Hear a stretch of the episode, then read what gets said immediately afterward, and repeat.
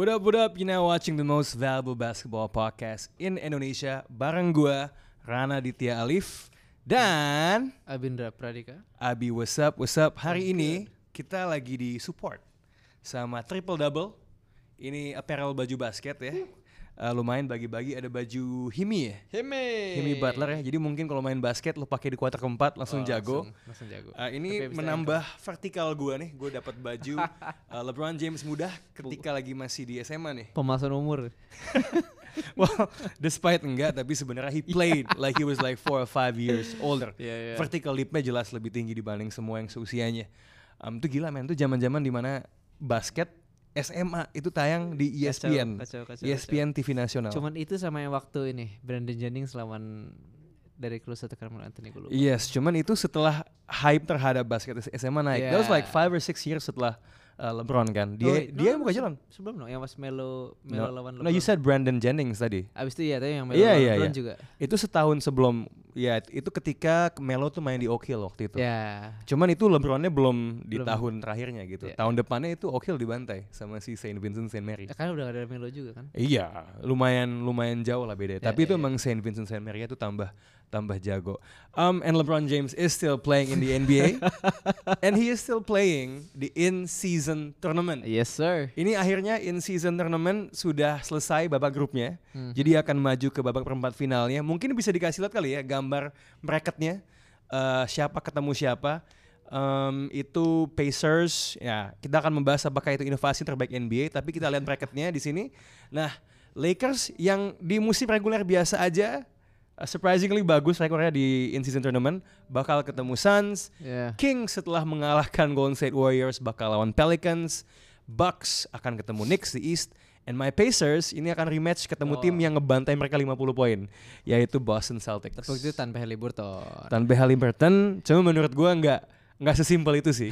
Belakangan kan gue semakin lihat tandingan Pacers dan Celtics kan. It's not that simple. Ya, ya. So mungkin secara makro dulu kali bi. Yes sir. Um, in season tournament ya, and ini kita masuk ke segmen. Ini bakal ada nama-nama segmen sang, cuman belum ada visualnya. Oke. In the paint. So we go straight ke dalam ngebahas isu-isu basket Ah, mendalam. oke, Skin to skin touch nih. Yes sir, full body contact. um, Hmm. in season tournament. Ini kan salah satu inovasi yang awalnya banyak yang mempertanyakan Ya. karena kemiripannya dengan sepak bola Eropa. Ya. It doesn't feel American. Kemudian juga formatnya yang mungkin agak confusing karena ada grup yang mempertemukan lawan dari divisi yang berbeda. Aha. Cuman lo melihat progresnya sejauh ini. Lo ngebandingin dengan segala macam inovasi di zaman Adam Silver. Hmm. Apakah ini inovasi yang terbaik atau enggak? Lo naruhnya di mana, men? Top 5 Berarti Enggak sampai gitu sih, top 2 lah. Top 2. top 2. Jadi satunya apa play-in ya? ah ya, still playing Oke. me. Gimana gimana gimana? Menarik adalah ketika si pemain NBA ini ternyata yang kita anggap kayak ah nggak bakal ada yang berkompetisi lebih gitu ya. Nggak bakal Mhm. ada yang anggap ini uh, spesial. It's just a regular season game. Mhm. They really played their asses off.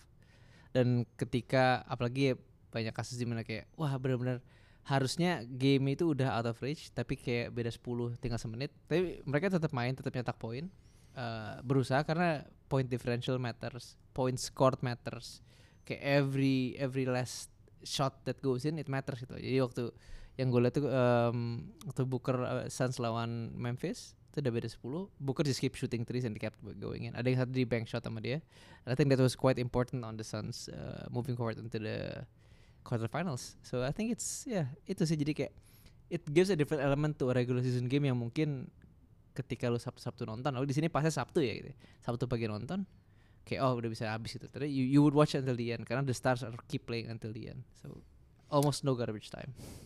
Oke, ini mungkin kalau buat gue ya, Hmm. recency bias itu mungkin ada faktornya nih. Karena kita lagi anget-angetnya kan ngomongin in season tournament. Ya. Efeknya lebih berasa. Tapi kalau seandainya semua NBA tamat hari ini, Ah. gua akan bilang bahwa in season itu adalah inovasi Adam Silver yang terbaik dan sebenarnya masih bisa disempurnakan lagi. better than playing. Iya, simply Hmm. because um, play in itu seru banget, ya, Ya. seru banget. It all comes to one game. Tapi menurut gua apa yang harusnya diselamatkan oleh play in tournament itu nggak separah itu. Hmm. Itu kan ingin menambah drama di akhir musim, Ya. right? Dan ada juga tim-tim yang protes soal itu. Dalam artian ya kenapa gue harus melalui satu ronde lagi sih orang gue udah peringkat 7 Ya. Gue udah peringkat 8 bisa aja kan 7 tuh sama peringkat eh, 10 tuh bedanya jauh banget sebenarnya. Iya, It's iya. possible. Play in membuat perbedaan itu tereduksi ke satu game. Satu game ya. Ya. Ya. Nah menurut gue ya gue nggak punya rating buat membuktikan. Tapi gue sebenarnya lebih lost track Aha. dengan NBA itu di masa-masa sekarang ketimbang di akhir musim sebelum playoff. Hmm. Because ya mungkin turunnya kita, but we're waiting for the playoffs. It doesn't feel like we're waiting for anything. Kalau misalnya lagi di eh, menjelang eh, sepertiga kedua dalam semusim Ah, oke, gitu. oke. Jadi bagi gue yang diselamatkan, Adalah. yang ditambah stakesnya itu sesuatu yang bener-bener gue sering kali memilih untuk nggak nonton Ah, gitu loh. Tentu gue akan admit gue nggak tahu how this will pan out musim depan. Bisa aja musim depan karena dan karena kita belum tahu nih akan terasa seperti apa prestise menang. Ketika di Vegas nanti. Di ya. Vegas. Ya, ya, ya. Satu hal yang gue akan kasih poin ke play ini adalah hadiah kemenangannya lebih berharga. Which is playoffs. Yes, jadi emang karena that leads to the main Hmm. the main apa namanya gelar yang diperbutkan Championship, semua tim iya. gitu. Miami Heat bisa masuk final musim lalu karena ada jalur play in. Jalur ordal. Ya, jadi apa namanya itu tuh value yang dimenangkan Oke. itu gedean play in. Tetapi dalam membuat sesuatu yang tadinya merasa kayak nggak ada stakesnya sama sekali, bagi gue in season tuh lebih merasa gitu. I would, okay, that's that's interesting. Tapi satu hal yang mungkin akan gue berikan sebagai support terhadap play-in ya, kan efeknya tadi bener. Eh, ada negatifnya terhadap yang posisi 7 jadinya harus berjibaku lagi sama posisi 8 dan kalau kalah sama 9 atau 10. Tapi eh, untuk yang 9 sama 10 yang tadinya kalau memang jauh dan mereka give hope dan pertandingannya di 1 2 minggu terakhir tuh jadi kayak nggak kompetitif, they have something to play right. Mhm. Jadi itu impactnya mungkin giving meaning to that particular stretch yang di mana itu mungkin eh, I mean possibly pas rating juga udah mulai turun tuh kalau misalnya nggak ada play in ketika, ketika posisi 9 10 udah nggak bisa secara matematis untuk qualify tapi karena ada play in yang 10 11 12 tuh masih bisa nih.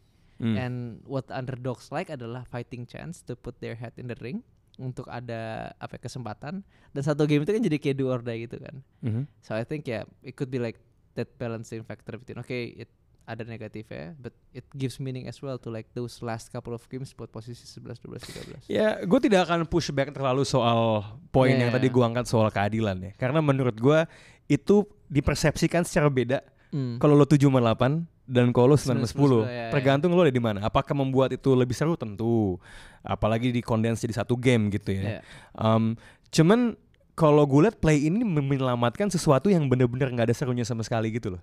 Which is the first round atau Uh, the the fir- yang gue bilang tadi setelah I don't know 15 something games gitu kayak jadinya lo lebih invested nonton pertandingan yang biasanya tuh skippable gitu di Ah, awal oke, musim dan Fair- menurut gue itu yang kayaknya harus lebih di- diselamatin fair case fair case Hmm. um, stakesnya lebih tinggi mungkin ini juga kali ya. Kayak I mean selamatin yang awal, oke, it good tuh untuk kayak smoothen out. Kalau bisa kan mungkin kayak gini kan tadi awalnya naik terus turun. Ya.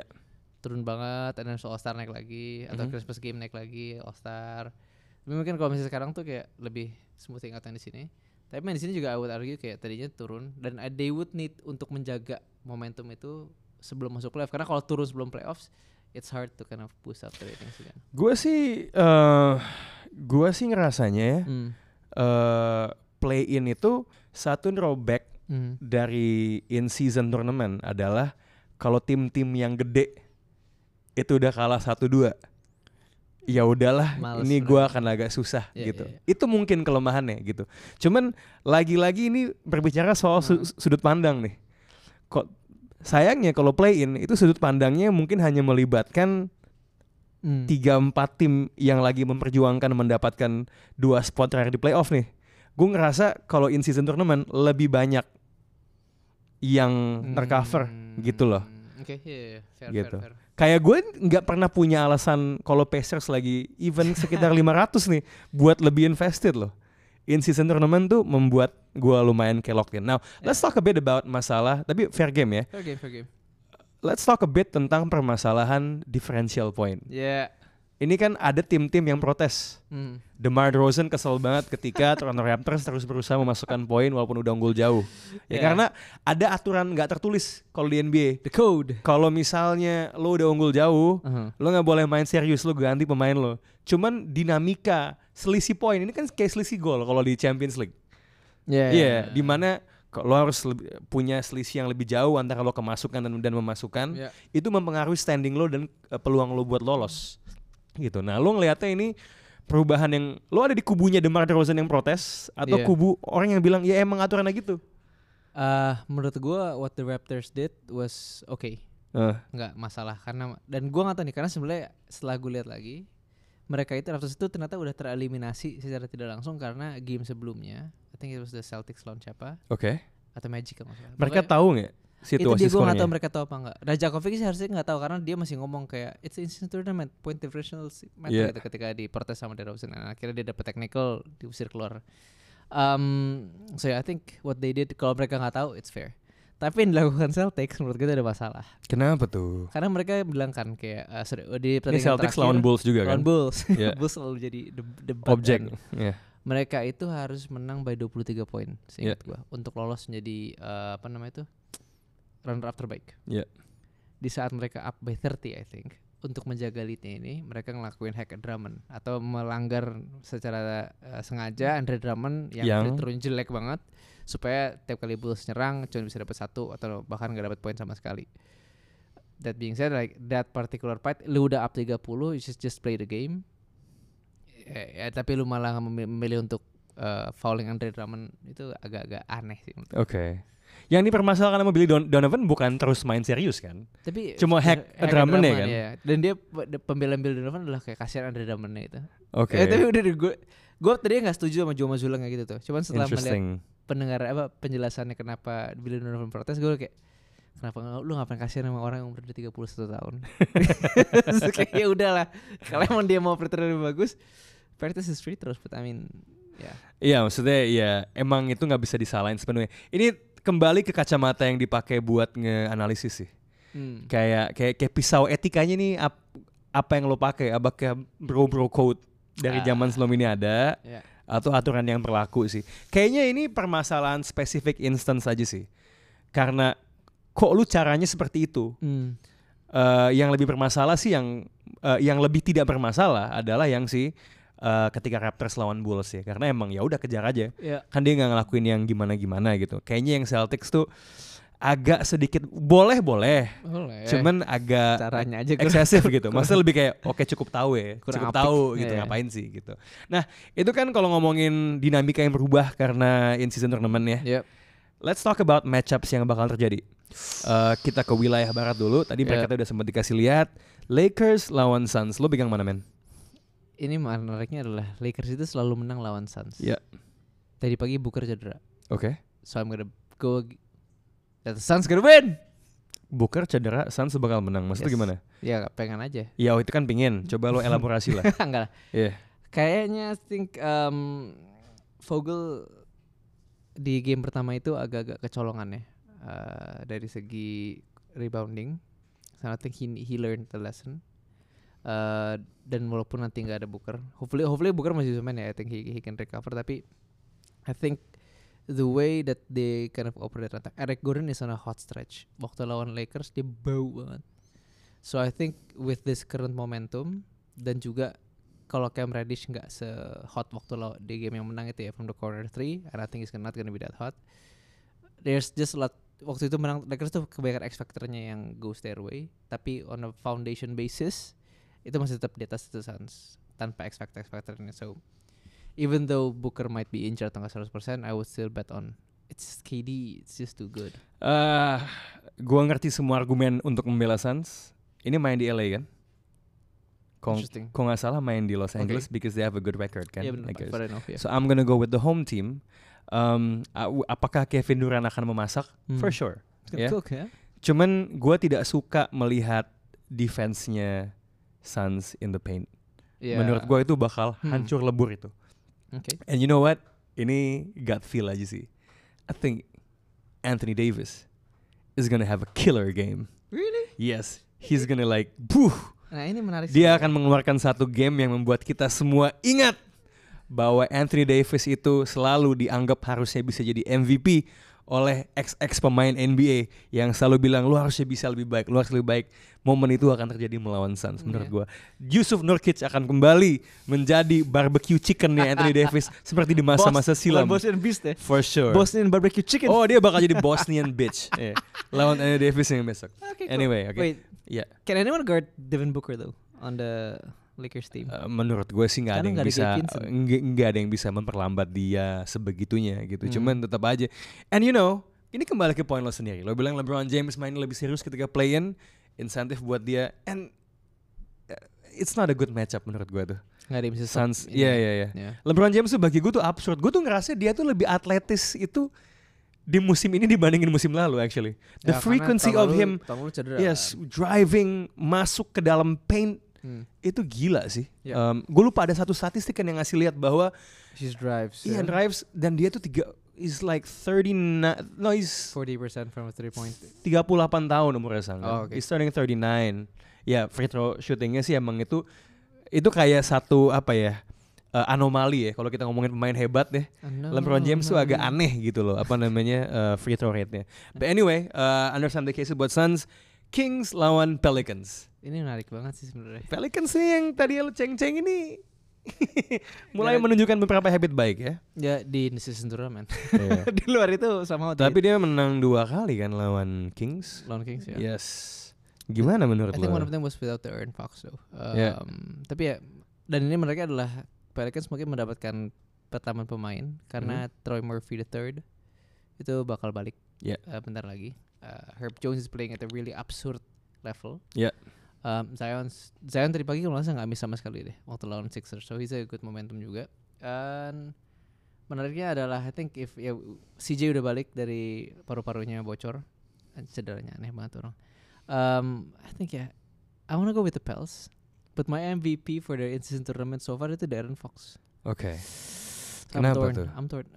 Darren Fox mainnya gila banget di in-season tournament. Dia second in points per game, 36 points per game, main Yeah. tiga kali. Yang pertama Donovan Mitchell 39 cuma main dua kali. Mhm.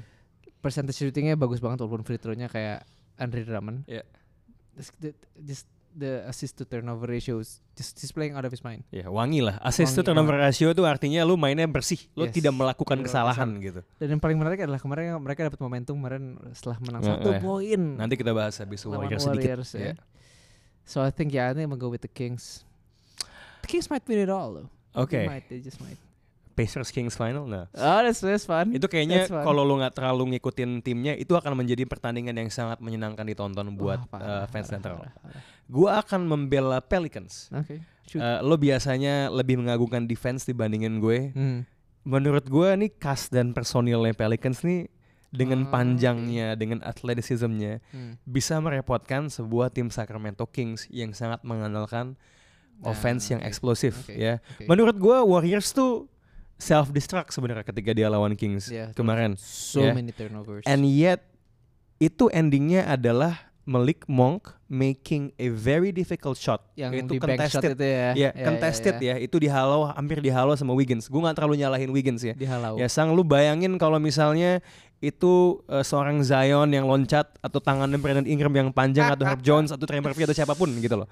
Pelicans punya lengan yang lebih bisa me- men- mendisrupsi lah Wingspan. pergerakan offense offense dari uh, Kings. So I'm gonna go with the Pels in this one. Menurut gue juga mulai ada tanda-tanda sedikit demi sedikit ya. Kita banyak mempertanyakan fit Ingram sama Zion Williamson. Mhm. Gue melihat dari wawancara uh, dan pertandingan, they're starting to gel a bit more than uh, Ingram, for the huh? Pelicans' sake. Mudah-mudahan terus bisa seharmonis itu sampai akhir musim. Um, but yeah, Kings are on fire. If they go en fuego juga bisa aja. Let's shift to the East. Yes sir. Uh, kita mulai dengan Bucks lawan Knicks. Uh, this should be Gimana? Gimana nih? Masalah Julius Randle ini lagi bagus juga sekarang. Iya, lagi naik. Mainnya di Milwaukee ya? Ger. I'm go with the Bucks. Bucks. Ya. Oke, kenapa tuh? Kenapa? Karena I think Damon Damon Giannis juga selain kita ngomongin Randle lagi bagus, Yeah. but Damon Giannis is also gaining steam. Kayaknya Adrian Griffin mulai dapat kinksnya. Yeah. Oke, how to run a team uh, secara head coach. Brook Lopez is back. And so yeah, I think it's just Oke, I mean, Too much lah. gue kalau misalnya nggak memilih Bucks ini gue melawan bias gue ke mereka ya, yang selalu gue pertahankan. Eh, kalau ngomongin Bucks, I will say this. Lu tadi Hmm. ngomong soal pick and roll Dame sama Giannis. Yeah. ya ada satu poin eh, yang dimention sama si Steve Jones ya di Zones ya. di podcast Dunker Spot dengerin tuh detail banget podcastnya dia suka bagaimana action pick and rollnya Damian sama Giannis Hmm. itu tuh awalnya nggak kelihatan kayak pick and roll Yeah. jadi nggak terlalu obvious eh tiba-tiba ada screening actionnya movementnya gitu dan agak high gitu. Jadi itu agak membuat lawan tuh kalau dia bersiap buat melawan sebuah pick and roll yang obvious tuh agak hoi gue mulainya kapan? gitu. Yeah. itu bagi gue lumayan menarik.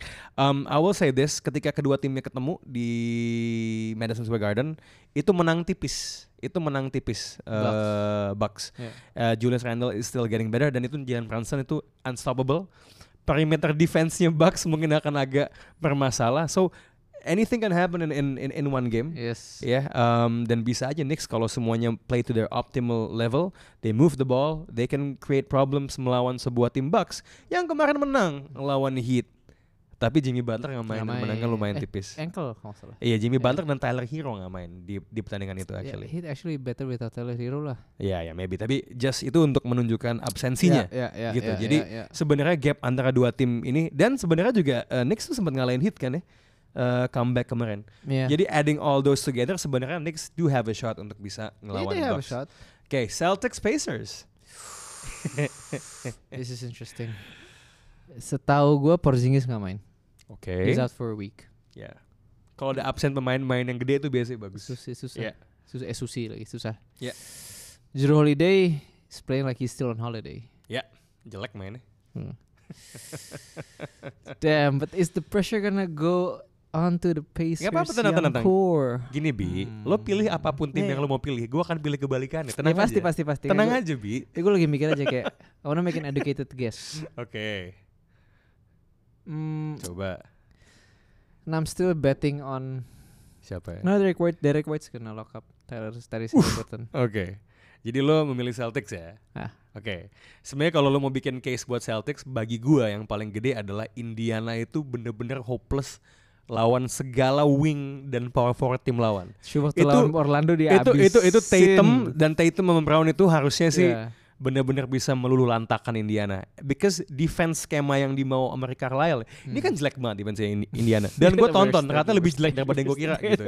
Jelek itu jelek banget, absurd Masih ada yang jelek tapi lebih jelek lagi. Ya bener-bener kayak Hawks. kemampuan Indiana untuk untuk meng- eh, mengizinkan wing lawan itu scoring di paint itu Iya, iya, bener-bener iya. kayak Absurd. sini bos, Hmm. lo langsung masuk aja gitu. Itu gue Hmm. kelihatan banget pas lawan Raptors. Jadi Magic juga kacau. uh, Magic juga hancur lebur lah itu. Um, jadi harusnya ini bad matchup bagi gue. Kalau cuman Tyrese Halliburton bilang satu hal yang menarik. Skemanya Boston itu kan switching. Hmm. Bagi Tyrese Halliburton, dia seneng lawan tim yang switching. Karena gue tinggal ini his words not mine ya di uh, Old Man and the Three. Iya. Dia tinggal bikin segalanya lebih random aja. Ya, Random, ya, random, call- random, call- ampe- Ampe iya. ampe acak-acakan gitu. iya, iya. He- dia cukup pede tuh ngelawan skema defense-nya Celtics gitu. Nah, kalau ini situasinya menjadi an offensive shootout, ya.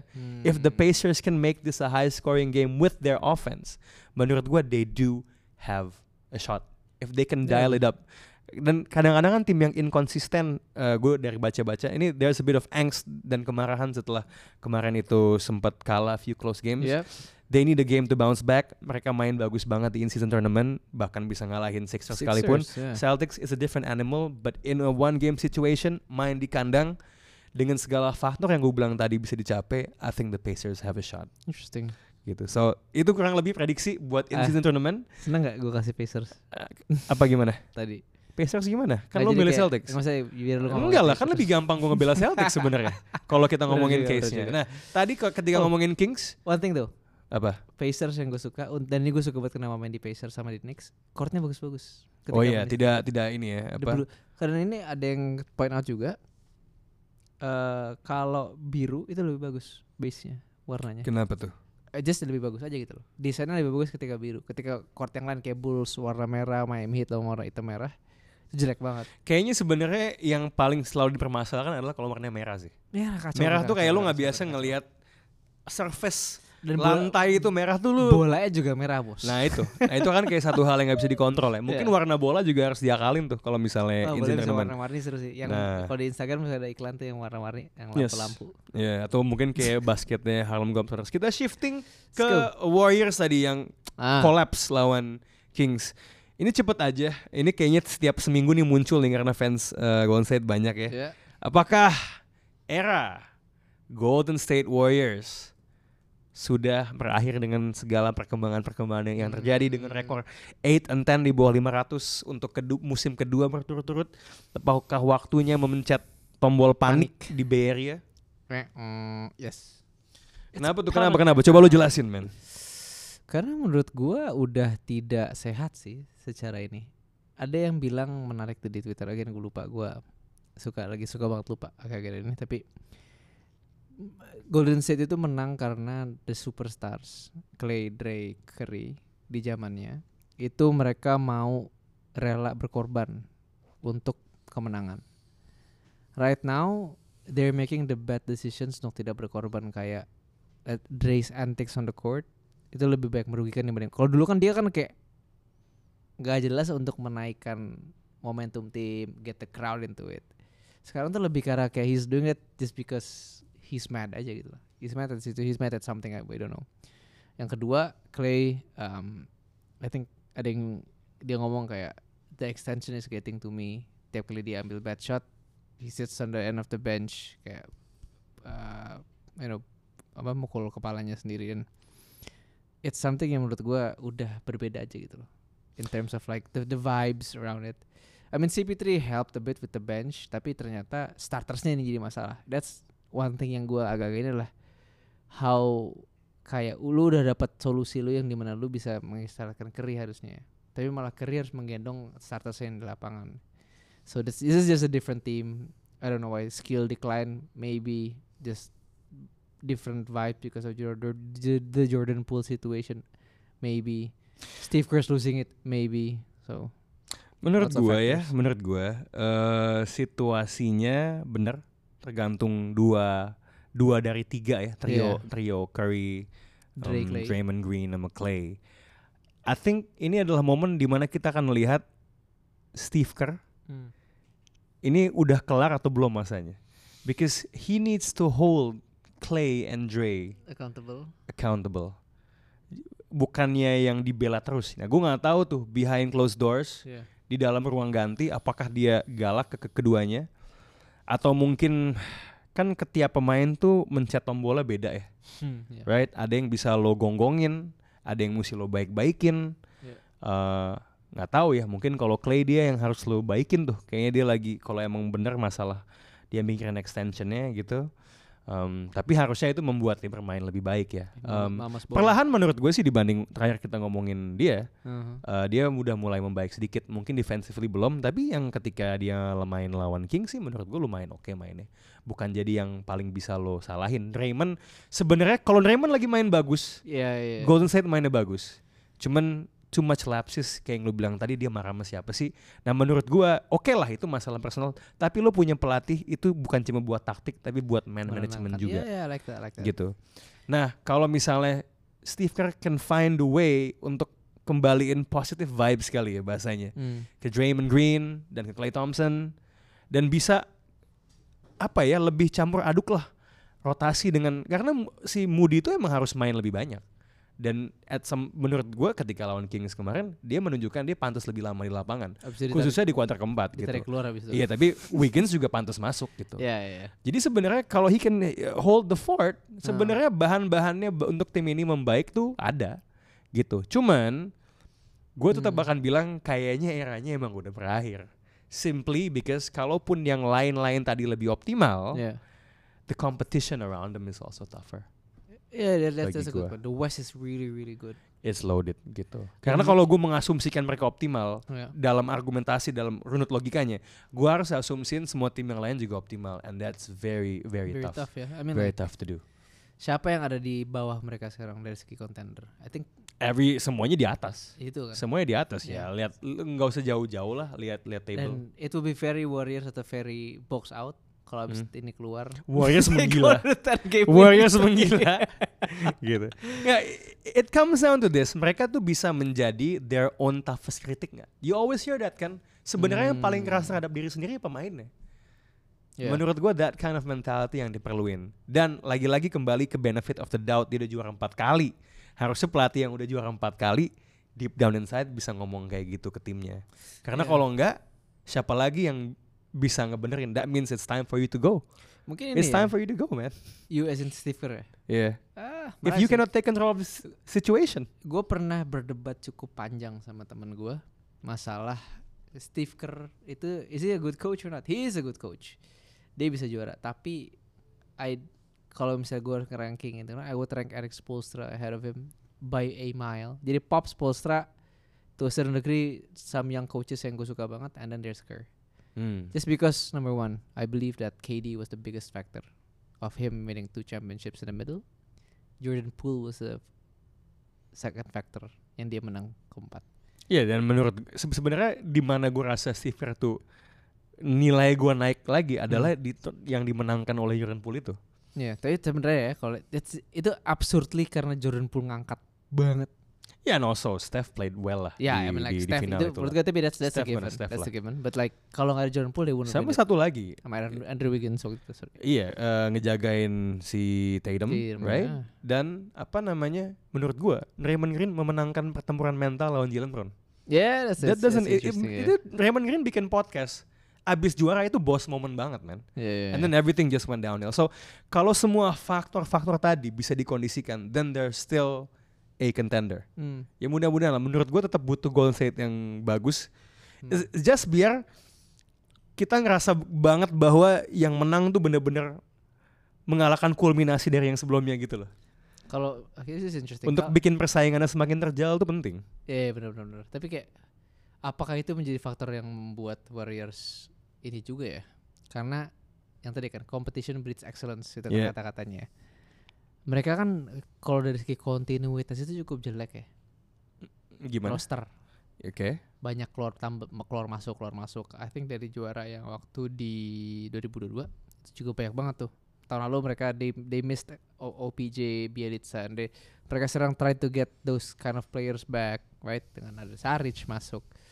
Um, tapi mungkin itu kayak karena apa ya, membuat semuanya ini apa yang Andrew bilang tadi uh, kompetisi itu like Mhm. internal competition maybe that's what is also their downfall juga gitu. Kayak the role players yang tadi selalu keep somehow it they got uh, you know mereka hilang.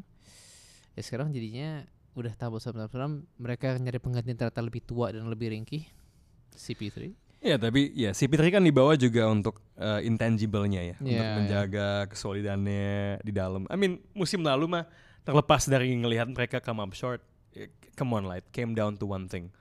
Layangan tinju Raymond Green ke Jordan Poole sebelum musimnya Yeah, yeah, dimulai yeah, itu yeah. udah itu kapalnya udah goyah dari momen itulah. ya ya Nah sekarang it's just about recovering the pieces. Apakah kapalnya itu bisa kembali solid lagi gitu? Uh, agak sulit. Even if solid lagi, kompetisinya lawannya tuh lebih uh, rentan. lebih So- solid So gue sih ngerasa dark days ahead lah buat Golden State ya. Interesting. Eh, agak sulit buat dibalikan. And kalaupun bisa dibalikan pun juga lawan-lawannya tuh juga udah lebih jago. Bagaikan kertas ya udah kusut Iya, I mean sekarang lagi. you, you look at the Minnesotas bahkan, you know who's on that. Semua tim-tim muda ini udah semakin jago dibanding sebelumnya gitu. yes sir Mungkin mereka akan lebih, you never know. Mungkin kalau tinju itu nggak melayang musim lalu, they would have they could have They could have. Tapi kan gitu Coulda, kan. woulda, Coulda, shoulda. woulda, shoulda. gitu. Oke, itu kali ya. gue pengen tahu juga sih fans Golden State itu eh, gimana pendapatnya? Apakah fuck Steve Kerr ap- apakah bisa diubah? Siapa yang salah? Itu langsung tulis aja di kolom komen. Eh, abis ini kita ngomongin soal isu yang di luar lapangan di segmen Out of Bounds. Break sebentar. Ya, dari luar lapangan owner yang paling terlihat selalu di pinggir, Mark Cuban. Yeah. Ini berita besar ya. Um, setelah belum lama ini masuk ke podcast All the Smoke terus menjelaskan soal Dallas. Um, sa- beberapa hari abis dia mundur dari acara Shark Tank di mana dia menjadi salah itu acara Juri kayak ya? pitching bisnis Yeah. gitu. Dia jadi dia jadi jurinya selama 16 kayak musim. master kayak master chef gitu Iya, dia mengumumkan, dia mengumumkan Kita lihat ya itu ada nggak tuh Nah, Kiki sama siapa tuh gitu yang yang yang, yang ikut. Eh, dia mengumumkan ak- Uh-huh. men- menjual saham mayoritas dia di Dallas Mavericks senilai 3,5 miliar US dollar Lu tau gak dia beli berapa? ke Miriam Adelson. Dia beli itu 285 juta. God damn son. gitu. Anda, 10x. anda ini jangan jangan nanya yang saya udah pasti hafal. gitu. I did my homework, B. Come Nice. on. Nah, 10x itu kan multiple. banyak tuh ya Hmm. multiple. Tapi yang menarik adalah dia masih mempertahankan sebagian sahamnya, ya. Ya, Dan dia retain control of basketball operations. Jadi tetap bos, sahamnya lebih kecil. jadi dari owner ya, jadi tapi dapat pegawai. untung yang gede Ya. gitu. Nah, dia tuh jual ke ke istri dari mendiang em, ini ada owner Casino Sands di Ya. Las Vegas. Uh, not- Miriam not- I did- Adelson. I did not know this. Yes, Casino Sands, Vegas. Sands. Nah, jadi kalau lo denger Sands bukan cuman Las Vegas. Oh. Grup ini juga setahu eh, gua itu punya eh, kasino di Macau Oh. sama di Singapura. Kan itu Ah. kan Marina Bay Sands namanya. Ah, sad. Ya, ini Oh, kalau nggak salah eh, ini adalah si mendiang istrinya ini eh, si, si istri mendiang ini Hmm. adalah orang ke-35 paling kaya di dunia. Shit. Jadi eh gue lupa Amerika apa dunia lah. Eh, bukan tetap bukan uh, owner yang paling kaya di NBA itu Steve Ballmer. Steve Ballmer. Um, so gimana nih? Ini lo lo ngeliat berita ini what is the play kalau menurut lo soal si Mark Cuban Ada yang bilang mau jadi presiden, Bos. Jadi maju mewakili partai apa? Indonesia. Oh. gemoy. Oh, ini lihat ya. Wah, gemoy sekali nih Mark Mark Cuban ini. Kita Joget. lihat ya. Jaga-jaga. Apakah dia bakal joget-joget di TikTok ya? Apakah dia akan Hmm. dia milih mengajak dia milih Brownie gak sebagai Oh. Kagak dia sama itu sama Malia Obama. gitu. Um, Obama. Ya tapi eh, nggak lu Sama Hunter Biden. Nggak, sorry. itu kan rumornya di Ya. jadi presiden. Kalau lo pribadi lo how much stock do you put in that? Eh, near to zero sih. Oke, jadi cuma bahan ceng-cengan aja. No, I think ya. Mungkin dia jadi kayak Erick Thohirnya kali. Oh. Promotor. Lo lo udah baca soal ini playnya dia apa? I haven't I haven't read much. Oke. Uh, just scouring Twitter. Ya, ya, Tapi ya. menurut gue sih I think he's gonna make a play on the Vegas team. Oh, maksudnya gimana tuh? Karena kan Jadi dia kan beli tim lain ini gitu. karena gue habis nonton Ballers. Oke. Jadi salah satu proses untuk bawa Ya. uh, uh, tim ke kota lain kan ada uh, governor's approval lah walaupun nggak- bangun stadion ya kan udah Ya. ada UNLV arena di sana kan. I think he wants to to to to you know he wants to own a team own a- mungkin dia jual mayoritasnya eh ma- tapi mayoritas tapi in the end I think he will sell all in exchange for Miriam Adelson, Edelson. bisa membantu dia melobi lobi untuk presiden tim basket nanti di Vegas. Oke. Sebenarnya gua ngerti logika itu, Hmm. cuman the part di mana dia masih mengurusi Dallas itu yang membuat gua rasanya bukan itu ya. Ada beberapa Oke. penjelasan. Oke. Udah tentu ini bukan gua yang memikirkan ya. Gua menu- gua menemukan lah ini kan kalau kata orang di sana. Ini si Amin El Hasan di podcast eh, Oddball, Aha. dia bilang satu hal yang menarik. Dia nggak yakin duit dari TV yang masuk ke NBA itu akan segede itu. Oh wait, Iya, jadi kayak So- rights kan kan masuk ke streaming nih. ya. Dia dia mengambil contoh NFL itu sekarang kan muncul di Amazon juga Ya. untuk pertandingan yang hari Kamis. Thursday, Thursday Night Nah, Football ya. Gue nggak tahu playnya Amazon apa dan untungnya apa, tapi itu ratingnya tuh rendah ban- banget dibandingin Monday pertandingan di weekend. Tentu mungkin ada Ya. faktor yang lain ya. Jadi kalau Amin El Hasan spekulasinya adalah Mark Cuban ngeliat ini bisa soal TV olahraga NBA ini Bubble. bisa ada bubble-nya. Ya. Dan kalau kita ingat, Mark Cuban itu kan mendapat duit gede banget dari dia jual broadcast.com night. Ya, ke ya, ya, Yahoo. Ya, ya, ya, ya. Dan itu bahkan Tech kayak bubble. dia uh, gede, kalau nggak salah 1,4 miliar. At that time there was a huge amount of money, and then the bubble burst. Ya, Yes. jadi dari ngekadalin Yahoo, sebenarnya itu dia dapat dapat duitnya gitu. Cuman Marisa Mayer? Nah, cuman ada ini akun Twitter ngebalas ya, bu- Nah. bukan akun verified atau apa. Ngebalas dengan Cuban sebenarnya. bisa jadi.